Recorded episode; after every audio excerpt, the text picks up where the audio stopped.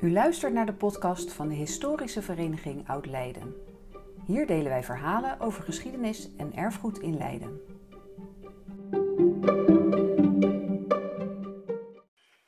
In deze podcast het verhaal van Ron Koevoets.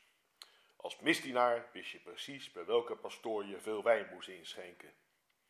De ouders van Ron Koevoets hadden een kapperszaak aan het Noordeinde.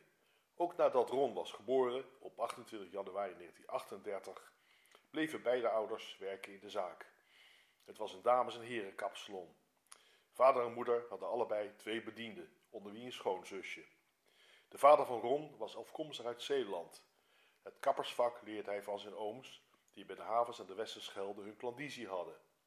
Op zoek naar werk is hij uiteindelijk in Leiden terechtgekomen. De kleine Ron bracht zijn kinderjaren voornamelijk door bij opa en oma in Zoeterwoude. Daar had hij plezier met zijn vriendjes, boerenjongens uit grote gezinnen. Ron was enig kind. Mijn moeder had iets waardoor ze geen kinderen meer mocht krijgen. Dat vond ze heel erg, zegt Ron. Op zondag ging de familie vaak naar de kerk in het klooster van de Kruisheren aan de Vrouwenweg. Ron herinnert zich hoe de paters daar hun prachtige Gregoriaanse liederen lieten horen. Natuurlijk was Ron ook af en toe bij zijn ouders in Leiden. Buitenspelen op Drapenburg was onmogelijk, maar zeker in de oorlogsjaren waren er beperkingen. Op de hoek van de straat stonden Spaanse ruiters en vanaf vijf uur was er sperkebied. Toch heeft Ron niet alleen negatieve herinneringen aan de Duitse bezetting. Zo vertelt hij over de Duitse soldaten die in de Rembrandtstraat brood uit de auto gooiden voor de Leidse jongens die daar rondliepen. Hij oordeelt ook genuanceerd over de vrouwen en meisjes die aan het einde van de oorlog zo onnozel waren geweest om een keer met de Duitse soldaat mee te gaan. Ze werden mofroer genoemd en kaalgeschoren. Een aantal van hen zat opgesloten in de Witte Poorts of Moorsportkazerne, waar je vanaf de achterkant van zijn huis aan het Noordeinde op uitkeek. Ron beschrijft zijn vader als intelligente en ontwikkelde man. Hij had een grote collectie boeken verzameld, met onder meer werken van Dickens, Goethe en Schiller. In de zaak kwamen veel klanten van de rotogravure, de nabijgelegen drukkerij en veel militairen. Tijdens de oorlog waren dat Duitse militairen. Ook mensen van de universiteit kwamen er graag. Ze werden aangetrokken door de leestafel in de kapsalon, waar bladen lagen als de Parimatch, de sterren. En toen vader Koevoet stopte met de zaak, in 1979, werd hij toegesproken door drie hoogleraren. Een van hen zei, u bent geen gewone kapper. En als afscheidscadeau kreeg hij alle symfonieën van Broekner. Na de oorlog ging Ron naar de katholieke lagere school aan de Ceciliastraat. Als hij in Leiden was, ging hij op zondag samen met zijn ouders naar de Hartenbrugkerk. De stad was opgedeeld in parochies. Toen Ron in de vijfde klas zat, werd gevraagd of hij misdienaar wilde zijn. Dat deed hij met overgave. Ik vond het zo leuk om op het altijd te lopen met zo'n belletje. En je wist precies bij welke priesters je veel wijn moest inschenken en bij welke weinig. Om zeven uur ochtends was de eerste mis. Om kwart voor acht zaten er vooral vrouwen. En sommige van hen waren een beetje gek op de pastoor. Dat viel me toen al op.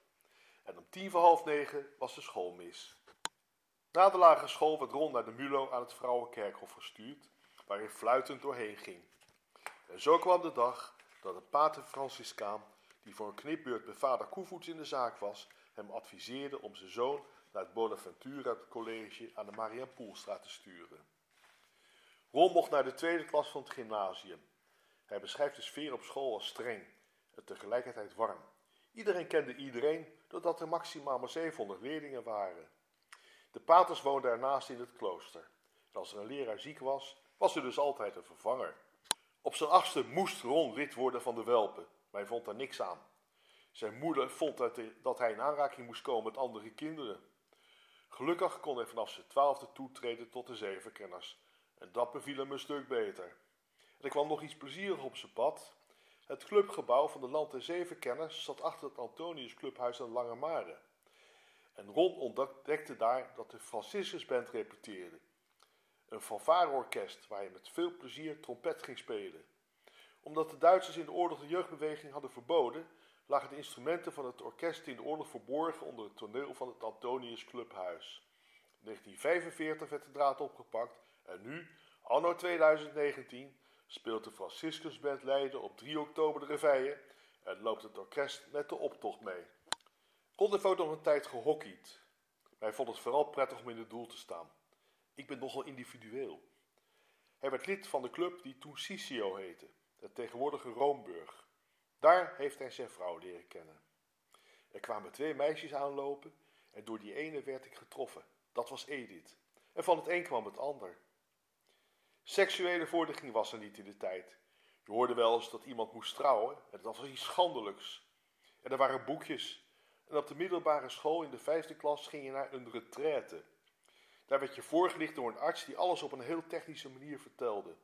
En er waren paters die speciaal langs retraitehuizen gingen. Die deden niks anders. Die waren heel vlot hoor. Na de middelbare school moest Ron in militaire dienst. Hij heeft dan overwogen om beroepsmilitair te worden, maar hij was nogal teleurgesteld in het niveau van de officieren. Zijn vader heeft nooit druk op hem uitgeoefend om de zaak over te nemen. Hij zei: Je mag doen wat je wil, als je je best maar doet. Gezien zijn interesse in de Tweede Wereldoorlog en Europa, besloot Ron om in Amsterdam Duits te gaan studeren.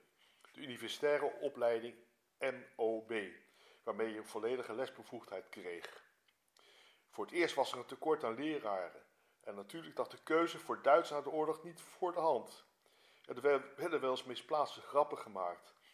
Na vijf jaar studie kon hij uitkiezen op welke school hij aan het werk wilde. Hij startte op het Rijnlands Lyceum in Oostgeest en daarna gaf hij les op de Leidse avond-HBS, nu Boerhaven.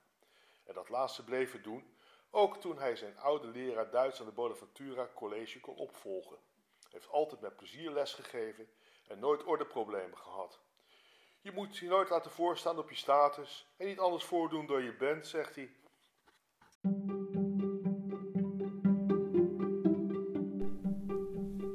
Dit verhaal is opgetekend door de commissie De Stem van Leiden.